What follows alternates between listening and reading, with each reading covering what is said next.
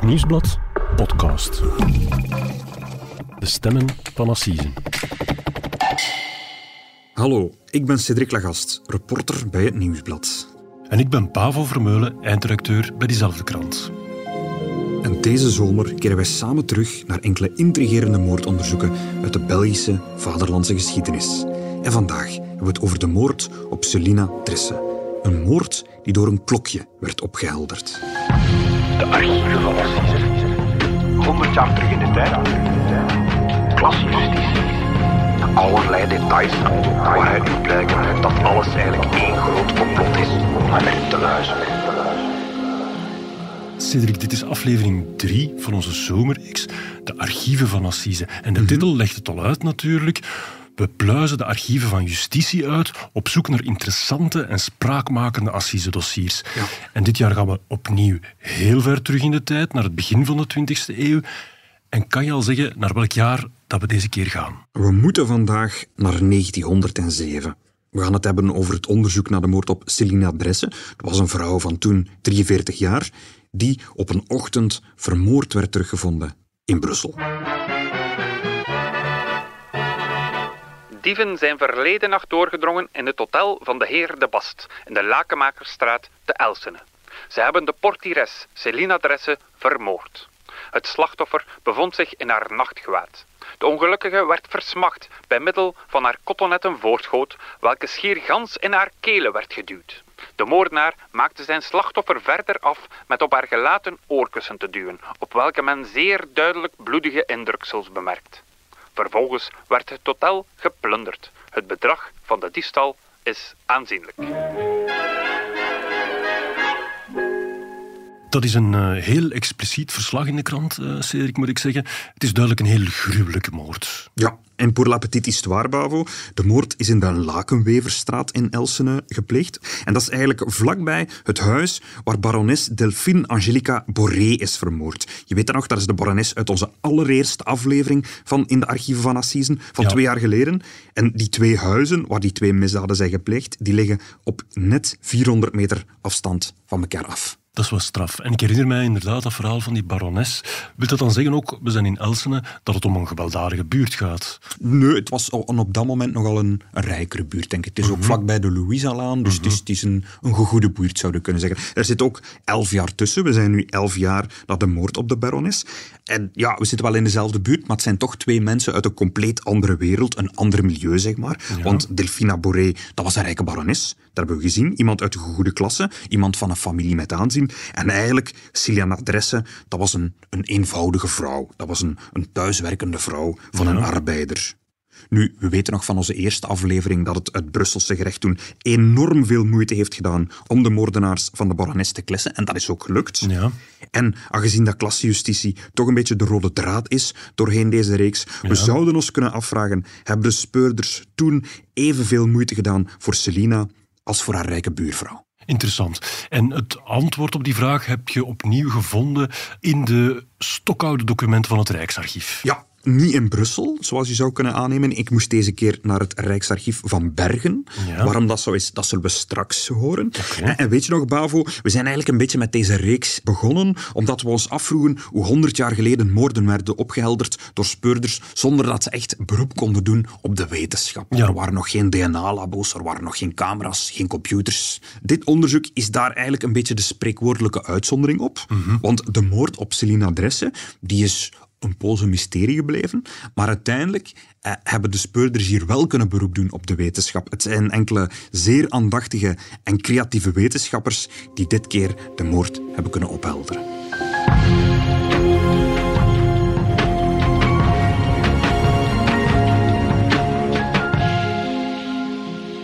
Oké, Cedric, neem ons eens mee naar de start van het onderzoek. Wie ontdekt de moord en waarom is het zo mysterieus? Wel, het begint allemaal op een vrijdag eigenlijk, op 27 december 1907, twee dagen na kerstmis. Als op het middaguur plots een man huilend een huis in de Lakenweverstraat uitloopt. Het is een man, hij zit netjes in het pak, heeft een kostuum aan met Schotse ruit, lees ik in het dossier. Heeft ook een hoed op, dat is straks ook nog belangrijk. En hij klampt meteen iemand aan op straat. En het is een toevallige voorbijganger, een, een 24-jarige bakkersknecht, Alfred Carrier. Hij komt eigenlijk uit de bakkerij recht tegenover het huis. En de man vraagt, kom alsjeblieft mee, er zitten dieven in mijn huis. En wat er toen gebeurde, vertelde Alfred Carlier later in zijn verhoor bij de politie. Die man was aan het huilen. De, tranen stroomden over zijn wangen. Zij vroeg mij of ik niet bang was en hem kon helpen. Er zaten dieven in zijn huis. Dus ik ben met hem meegegaan. En inderdaad, op zijn gelijkvloer zag ik dat alles overhoop was gehaald. Kastdeuren opengetrokken, op de grond lag nog een stapel zilverwerk, zilveren vorken, messen, allemaal bijeen verzameld om, omdat die dieven vergeten waren. En de coffre-fort was ook verschoven. En achteraan op het slot zat een soort haak. Ik ben ook met hem naar de eerste en tweede verdieping gaan kijken.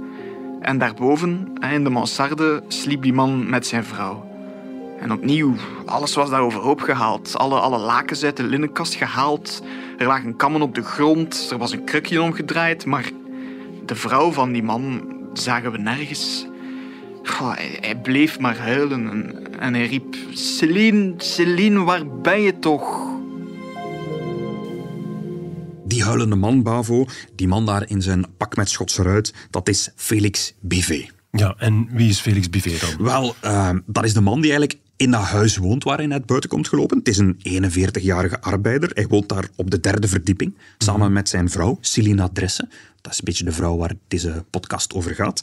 En in het krantenartikel, bij het begin van deze podcast, hadden ze het over een hotel. Ja. Dat klopt eigenlijk niet. Het is eigenlijk een gewoon woonhuis en het is het huis van Gérard de Bast. Ah ja, en wie is Gérard de Bast dan? Gérard de Bast is toch een, een, een beetje een vooraanstaand persoon. We hebben al gezegd dat we hier een beetje in de betere wijken zitten. Zijn officiële titel is de bestuursopziener bij het ministerie van Zeewezen. Hij is eigenlijk een hoge ambtenaar die vaak van huis weg is. Op dit moment bijvoorbeeld zit hij in Parijs.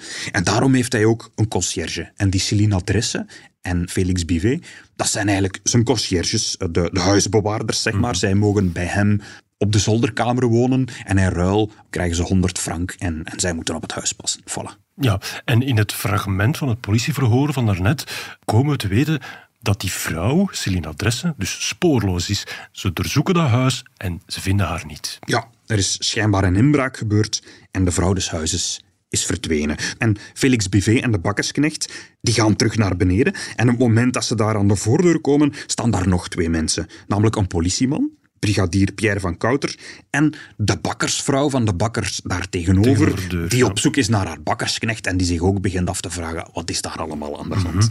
En heel dat gezelschap dat gaat nu ook het huis doorzoeken. Ze zijn nu ondertussen met vier en ze doorzoeken het hele huis. En als de agent uiteindelijk helemaal bovenaan in het huis eh, op de zolderkamer komt, Ja. kijkt hij iets nauwkeuriger dan de andere twee. Hij kijkt ook achter het bed en daar ziet hij tussen het bed en de muur het lichaam van Celina Dresse liggen. Op haar lichaam ligt een kussen en een wit laken en ze is dood. Biver is meteen op dat bed gesprongen om zijn vrouw te zien. Ik weet niet of hij het lichaam met zijn handen heeft aangeraakt, maar hij moest van dat bed. We hebben hem er afgetrokken. Die brigadier, mevrouw Foucault en ikzelf hadden ook alle moeite om hem daarvan af te krijgen. En daarna hebben we het bed verplaatst. Die agent heeft het lichaam onderzocht. Eh, Ja, ze was dood. Biver, die, die zag eruit als een gebroken man. Zijn verdriet kwam wel oprecht over. En ik zeg dat omdat Biver weende. Hij schreeuwde, hij riep de hele tijd: Mijn arme Céline, mijn arme Céline. Celina Dresse ligt daar in een grote plas bloed achter het bed. Ze heeft eigenlijk twee steekwonden aan haar hoofd, boven haar linkeroog en aan haar slaap. Maar de wetsdokter zal eigenlijk later vaststellen dat ze toch door verstikking om het leven is gekomen. Ze is verstikt met haar schort. Ja, oké Cedric, maar het blijft wel heel bizar dat de echtgenoot en de bakkersgast die bij die eerste zoektocht gewoon niet gevonden hebben. Dat is toch zeer ongeloofwaardig. Ja, en uh, misschien om het een beetje beter te begrijpen, Bavo, uh, het, het, is ook niet zo'n heel groot kamer. Er zit in het dossier ook een plannetje van het huis. En ik, ik heb daar een foto van getrokken en meegenomen. En je ja. ziet eigenlijk, het, het, gaat om een zolderkamer en die is niet zo heel groot. Uh, ja. Er is plaats voor een, een bed, een tafel en een, een klein zeteltje eigenlijk. Dus ja. het is niet dat, dat, dat er veel plek is om te verstoppen. Maar je ziet toch ook wel, dat bed staat zo een beetje in de hoek en daarachter lag het lichaam. Het lichaam staat hier nu op deze tekening dit keer niet getekend, maar je ziet wel nog bloedvlek. de grote vlek bloed waar, waar het lichaam eigenlijk lag. Ja, en we kijken inderdaad naar een handgetekende plattegrond van de zolder uh, van dat huis, waar dat inderdaad al die uh, meubels uh, op aangeduid staan en netjes ingekleurd zijn. Ja, en voor wie het graag ook eens wil bekijken, we zullen het kaartje zoals altijd op onze Instagram-pagina zetten. Mm -hmm. In de krant de dag erna omschreven ze de situatie als volgt. Zij maakte haar toilet toen zij overvallen werd en tussen de muur en het bed geworpen werd. Die ruimte is zo eng dat de arme vrouw als in ene schroef lag besloten en zich niet verroeren noch verdedigen kon. Wanneer zij tussen het bed en de muur werd geworpen, moet zij zich vastgeklampt hebben aan de slinger van de pendule. En de slinger brak. De huisdokter van het gezin wordt er nog bijgehaald, Bavo, dokter Jean Eekman. Uh, hij wordt erbij geroepen. Um, de echtgenoot staat hem beneden op te wachten en hij roept nog: Ga snel kijken naar mijn vrouw. Uh, misschien kunt u nog iets voor haar doen. En de arts rept zich naar boven, maar hij kan eigenlijk alleen maar haar overlijden vaststellen.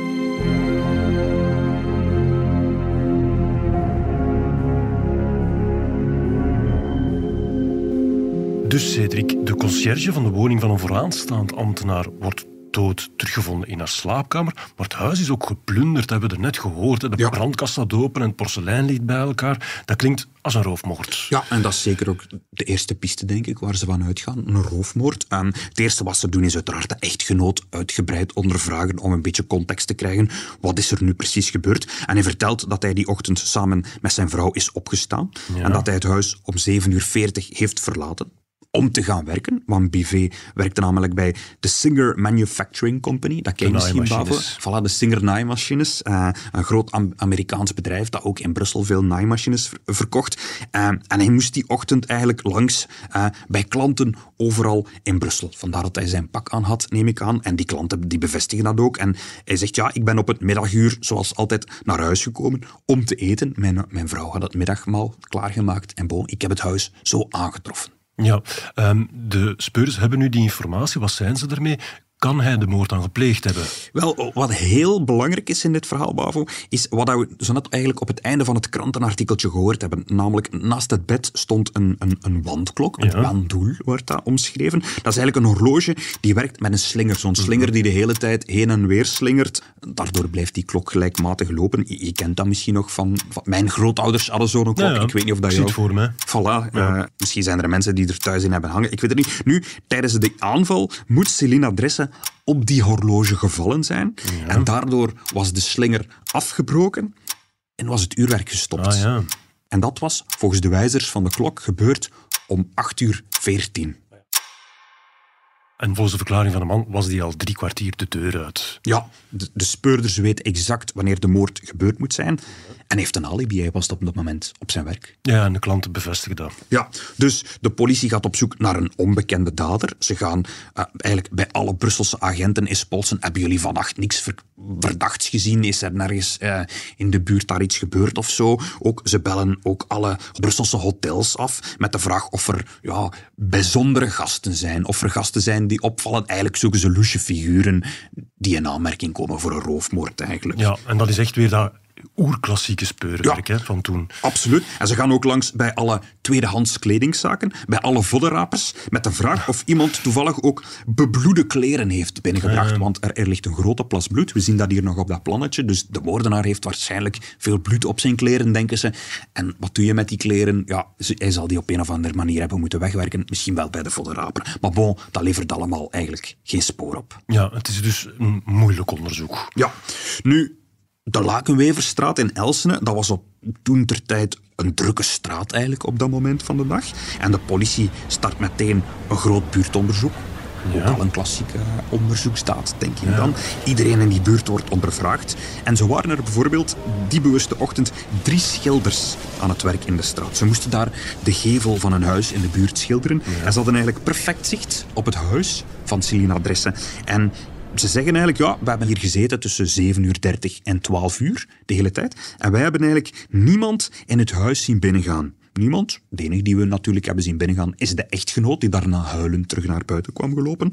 En ja, ze hebben niemand gezien. Nee, dus ze hebben de moordenaar niet gezien of ze hebben misschien niet goed opgelet. Ja, ze zijn met drie, dus je zou wel kunnen zeggen er zal toch één iets gezien hebben. En ze hadden het ook moeten zien, want er is geen achterdeur aan het huis. Er is maar ja. één in- en uitgang en dat is de voordeur. Nu, er zijn nog meer ongerijmdheden die zo opduiken tijdens het, het klassieke onderzoek. De huisdokter die bij het lichaam is gekomen, hij, hij noteert later in zijn verslagje dat hij meent dat de vrouw eigenlijk veel langer dan drie uur lang al dood moest zijn, want het lichaam dat het ijskoud. Hij denkt dat het tijdstip van overlijden toch al een flink stuk langer Ja, ja. moet zijn dan het klokje aangeeft. En, en als de huiseigenaar, dus ambtenaar de Bast, uiteindelijk van Parijs thuiskomt, ja, dan bekijkt hij ook zijn huis. En ja, en ik moet eigenlijk concluderen dat er eigenlijk weinig tot niks gestolen is uit zijn huis. Uh, er zit bijvoorbeeld in het strafdossier een heel lange lijst met allemaal waardevolle voorwerpen uh, die niet zijn meegenomen. Het gaat dan over een portemonnee met nog veel geld in. Het gaat om gouden juwelen. Allemaal zaken die de rovers over het hoofd hebben gezien. Ja, dat is zeer vreemd, want we hebben altijd al gedacht van het huis is echt helemaal overhoop gehaald en de kluis staat open en toch is er bijna niks van waarde weg. Heel vreemd.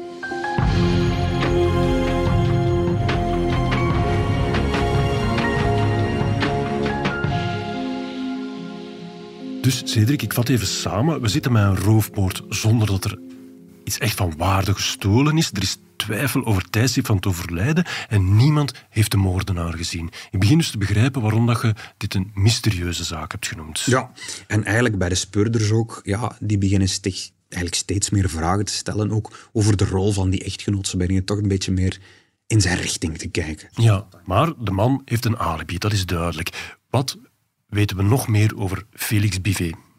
Hij is een Ardennees. Hij komt uit het kleine dorpje Hansch in de provincie Luxemburg. Dat ligt ergens in de buurt van Aarlen. En zijn echtgenote Celine die kwam dan weer uit het Waalse dorpje Ezo. Dat is een klein dorpje in de buurt van Charleroi. En ze waren al twintig jaar getrouwd. Ze hadden geen kinderen. En ze waren eigenlijk twintig jaar eerder bij de Bast als conciërge komen wonen. Dus ze wonen daar eigenlijk al. Ja, dat huis in Elsene. Ze wonen daar al geruime tijd, ja. En ja, het was een, een goed koppel, zo klinkt het bij de buren. Er waren niet echt grote problemen. Van Celina wordt gezegd dat ze een, een litteken in haar gezicht had. Ik heb geen foto van haar gevonden, maar hoogstens een, een tekening. Maar op daar wordt ook niet duidelijk. Er is ergens sprake van dat ze een, een zuur in haar gezicht zou gekregen hebben als kind en dat dat Ah, ja. een, een bepaald litteken zou, zou achtergelaten hebben. Ze is een sterke, stevige vrouw ook, die zich zou kunnen verdedigen, een merkbare man op. En, en Bivet zelf wordt omschreven als een vrolijke, joviale man, heeft een blanco En, ja, en ze zijn allebei eh, van onberispelijk gedrag. Oké, blanco strafblad, goed gedrag, maar toch kijken de speurders in zijn richting. Ja. En, en de zaak krijgt ook heel veel media-aandacht. Er staan heel veel artikels in de kranten de dagen na de moord. En ook andere politiemensen lezen dat. En de dag na de moord stapt agent Jules Collin, de wijkagent van Elsene eigenlijk. Hij stapt naar de onderzoeksrechter, want hij wil de onderzoeksrechter iets vertellen. Hij kent Bivet. Ik ken Felix Biver sinds een goed jaar. Ik heb toen een naaimachine gekocht en de Biver die is die bij ons in de Van Aastraat komen leveren. Ik woon op nummer 24, maar sindsdien zie ik die vaak binnenlopen bij mijn buurvrouw op nummer 23. Op alle uren van de dag. Een goede maand geleden heb ik hem dan gevraagd, zij de verhuisd? Hij antwoordde, nee nee, het is een vriendinnetje dat hier woont.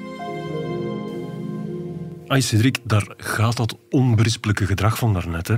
Dus Felix Bivet heeft bijzondere aandacht voor de buurvrouw van de wijkagent. Ja, en die buurvrouw, dat is Marie Harden. Een 22-jarige alleenstaande vrouw. Ze werkt eigenlijk als naaister. En, en zo hebben ze elkaar een beetje leren kennen eigenlijk. Want naaimachines. Voilà, Bivet werkt voor een fabriek van naaimachines. Zij is naaister. Hij is daar eens bij haar over de vloer moeten komen om iets te regelen. En voilà, van het een is het anders gekomen eigenlijk. En als de onderzoekers wat dieper beginnen graven, ontdekken ze eigenlijk al heel snel dat Marie Harden eigenlijk gewoon de minnares is van Felix Bivet. Ah zo, en Was dat dan een publiek geheim als die wijkagent dat wist? Wist misschien heel de wijk dat? Wat meer nog, zelfs Celina Dresse wist het. Ah, ze wist dat haar man een affaire had met die vrouw. Want BV was al eens twee weken lang ingetrokken bij zijn nieuwe vlam, bij zijn Ah, ja. minnares. En Celina was daar op die plek haar rivalen komen afdreigen. En hij was uiteindelijk terug mee naar huis gegaan. En nu Celina had haar man eh, vlak voor haar dood eigenlijk ook een, een ultimatum gesteld. Hij moest kiezen. Zij of de minnares. Maar allebei, dat ging niet meer. Ja, ik begin te begrijpen waarom de speurders zo gefixeerd zijn op hem. Ja, absoluut. En BV wordt opnieuw verhoord. Hij moet opnieuw naar het kantoor van de onderzoeksrechter komen voor een verhoor. Hij wordt binnengeleid en dan gebeurt er iets opmerkelijks.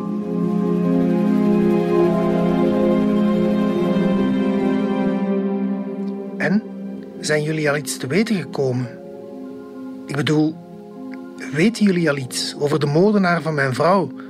Als hij binnenkomt in het kabinet van de onderzoeksrechter, gaat BV meteen op een stoel aan het bureel van de onderzoeksrechter zitten.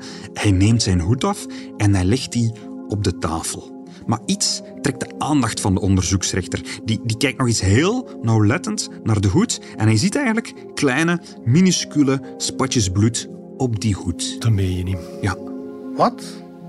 Dat? Die vlekjes? Och, ja. Toen we daar het lichaam van mijn arme vrouw ontdekt hadden, daar naast het bed, toen heb ik mij uit pure wanhoop heb ik mezelf op mijn vrouw geworpen.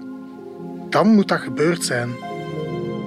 Dat is dus zijn uitleg, Bavo. Hij zegt, oh, ik, ik, ik, toen mijn vrouw daar achter dat bed lag, ik, ik, ben haar, ik ben erop gevlogen, ik heb haar in mijn armen genomen, zo verdrietig was ik. Maar nogthans, Bavo, zowel de bakkersknecht als bakkersvrouw Melanie, als agent van Kouter, die ontkennen allemaal dat hij in de buurt van dat lichaam is geweest. Meer nog, ze zeggen alle drie, nee, nee, we, we hebben hem teken moeten Ja, houden, we hebben hem van dat bed gesleurd en hij is er eigenlijk niet geslaagd om, om tot aan dat lichaam te komen. Maar zelf blijft hij ontkennen dat hij iets te maken heeft met de moord op zijn vrouw. Hij zegt, Celine was een sterke vrouw, ik, ik ben veel te zwak om haar te vermoorden, ik zou niet eens een konijntje kunnen doden.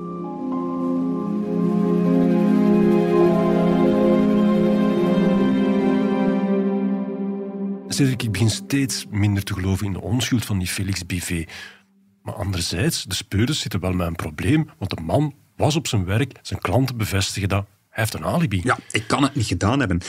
En dat is ook het moment waarop dat onderzoeksrechter Armand Fromet zich toch eens heel nauwkeurig over dat klokje gaat buigen. Dat ene Ja. Mhm. klokje is eigenlijk het alibi van onze man. Want de wijzers van die klok die wijzen 8 uur 14 aan. En dat is het moment waarop ze moet gestorven zijn. Het moment waarop dat zij op de klok is gevallen. Ja. En hij was al om 7 uur 40 vertrokken. Mhm. Dus dat geeft hem eigenlijk drie kwartier afstand van de moord eigenlijk. En op 4 januari, dat is acht dagen eh, nadat het lichaam van Celina Dresse gevonden is, moet Eugène Werle, dat is een 54-jarige horlogemaker die een winkel heeft op de Kleine Zavel in Brussel, hij moet tot bij de onderzoeksrechter komen en hij moet Fromes tot in detail uitleggen hoe dat zo'n klok werkt. Ah ja, echt een streepje CSI van 100 jaar oud. Ja, de onderzoeksrechter zelf wil helemaal begrijpen hoe zo'n klok werkt. En daarna roept die onderzoeksrechter twee professoren naar zijn kabinet in het Justitiepaleis. De 30-jarige professor Gaston Heu en de 33-jarige professor Joseph Mouton.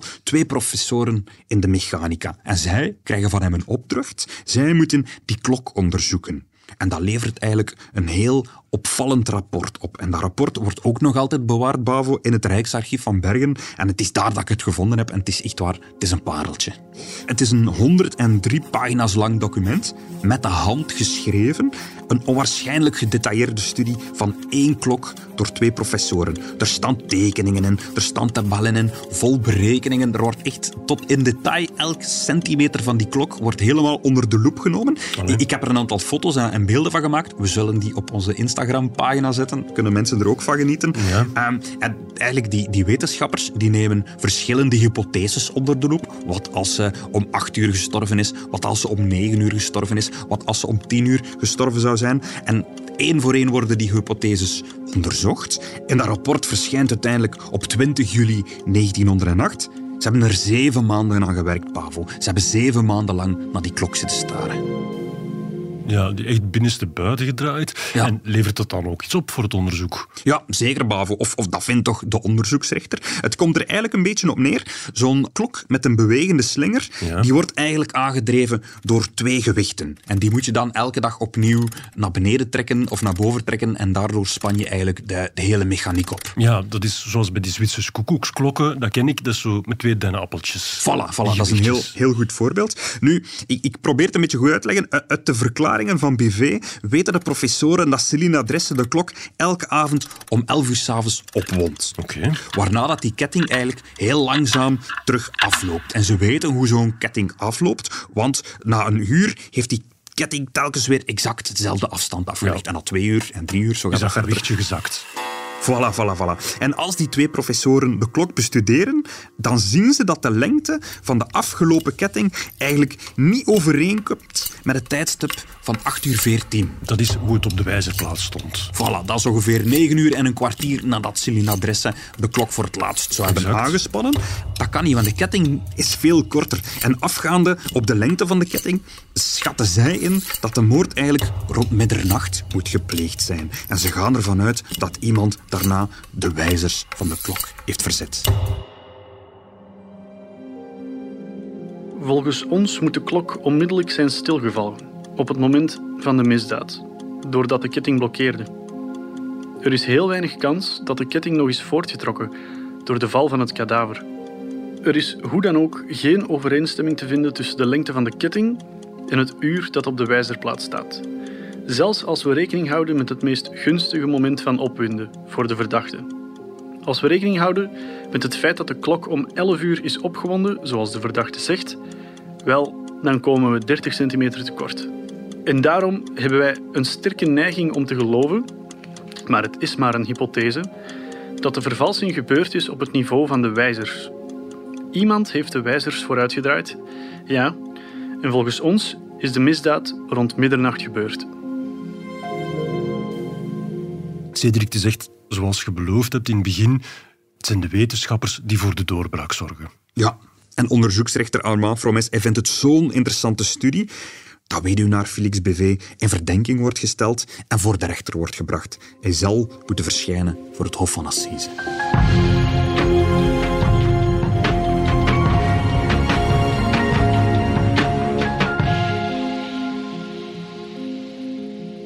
Dus de Brusselse speuders zijn er nu van overtuigd dat wat eerst een roofmoord leek, dat dat nu allemaal opgezet spel blijkt te zijn. Ja, wat eigenlijk allemaal in scène gezet is, dat die man dat huis overhoop heeft gehaald om te laten lijken dat er ingebroken is. Ja.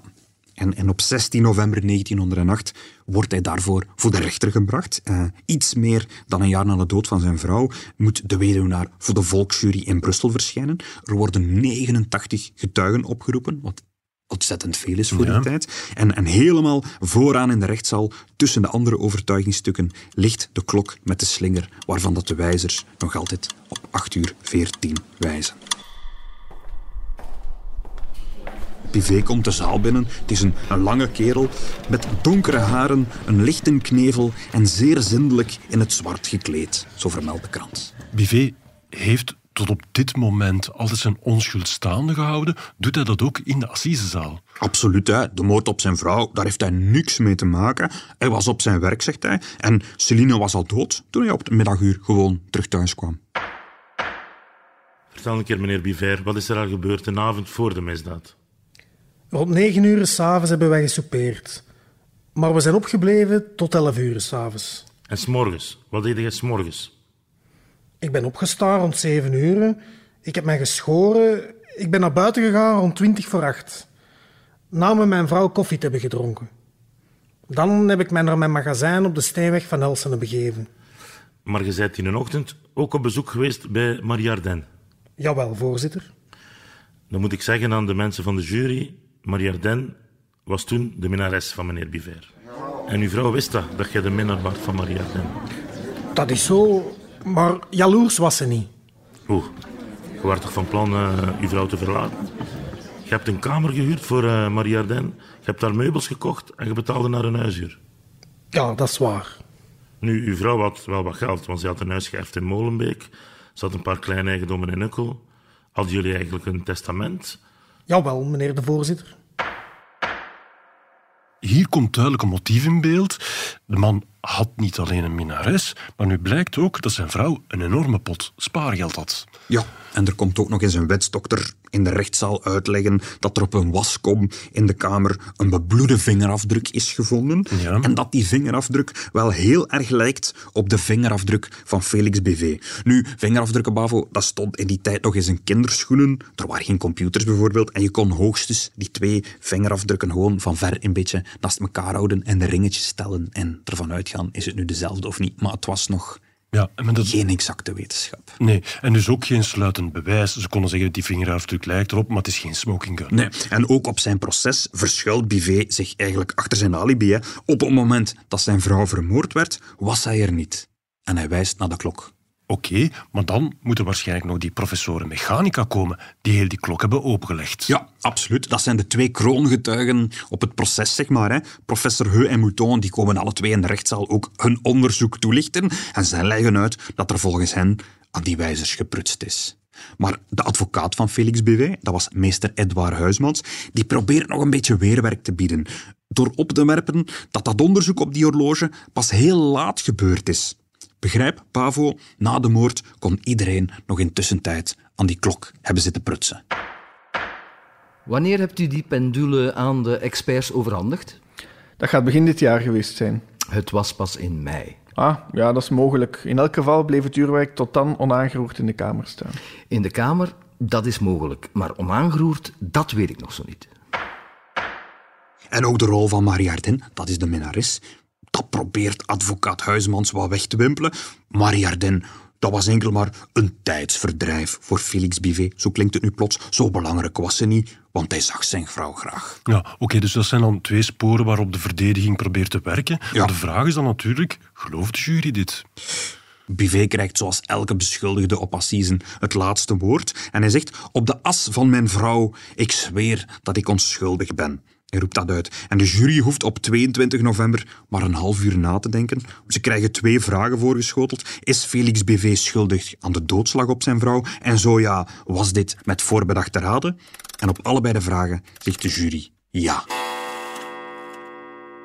Dus veroordeeld voor de moord op zijn vrouw. Ja, en uit de straf blijkt ook dat de Brusselse jury eigenlijk niks van het verhaal van Bivet gelooft en dat ze geen medelijden hebben wanneer hij wordt veroordeeld tot de allerzwaarste straf, de doodstraf. Ja, een streng verdikt. Ja, maar toch is dit nog niet het einde van het verhaal, Bavo. Want je herinnert je misschien nog dat ik aan het begin van deze podcast heb verteld dat ik, deze, dat ik dit dossier in het Rijksarchief van Bergen moeten, ben moeten gaan zoeken. Ja, en dus niet in Brussel waar de moord gebeurd is. En waar het onderzoek gevoerd is. Dat is niet toevallig, want de advocaat van Bivet die is nog naar het Hof van Cassatie gestapt om het arrest te proberen te verbreken. Je weet, een uitspraak van het Hof van Assisen is eigenlijk definitief. Je kan daar niet tegen in beroep gaan.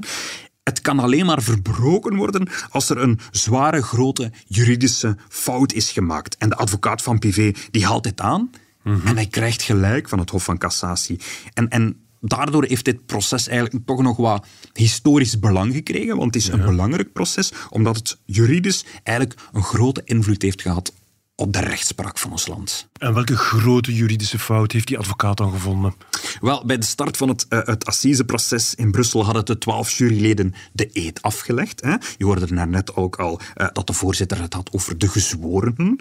Voilà. Maar tijdens het proces waren er twee juryleden uh, moeten afhaken en die werden vervangen door twee reservejuryleden. Dat gebeurt bij ons ook nog altijd vandaag de dag. Denk aan het assiseproces over de aanslagen van Ja, ja. Brussel, Bavo, waar 36 reservejuryleden werden opgeroepen. Maar deze keer, Bavo, hier in Brussel, had de voorzitter vergeten om de reservejuryleden de eed te laten afleggen.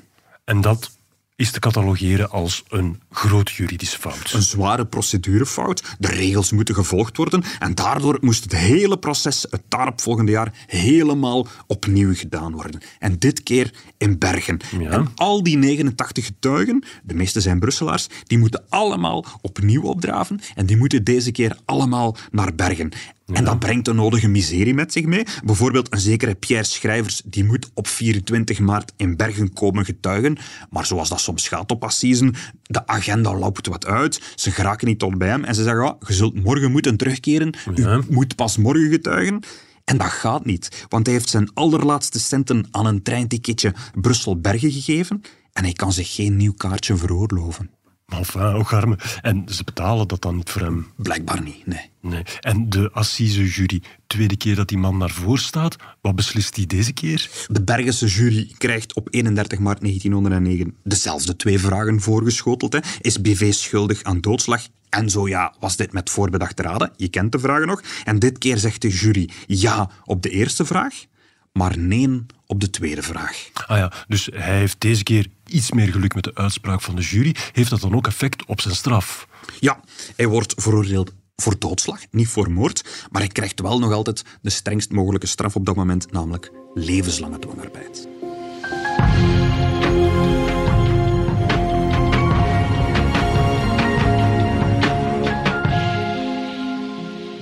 Cedric, ik ben dan benieuwd hoe dat het met die man daarna gegaan is. Heb je, heb je daar informatie over gevonden? Wel, Het laatste spoor dat ik van hem gevonden heb, is een 24 pagina's lange brief die BV op 18 april 1920, dat is elf jaar na, na zijn veroordeling, vanuit de gevangenis van Leuven geschreven heeft aan de procureur-generaal. Ah ja, dus elf jaar later zat hij nog altijd in de cel en ja. had hij te melden aan de procureur. Hij zegt in die brief dat hij de waarheid wil onthullen en niets dan de waarheid. Voor God en al zijn heiligen verklaar ik hier de waarheid te willen vertellen. Spannend.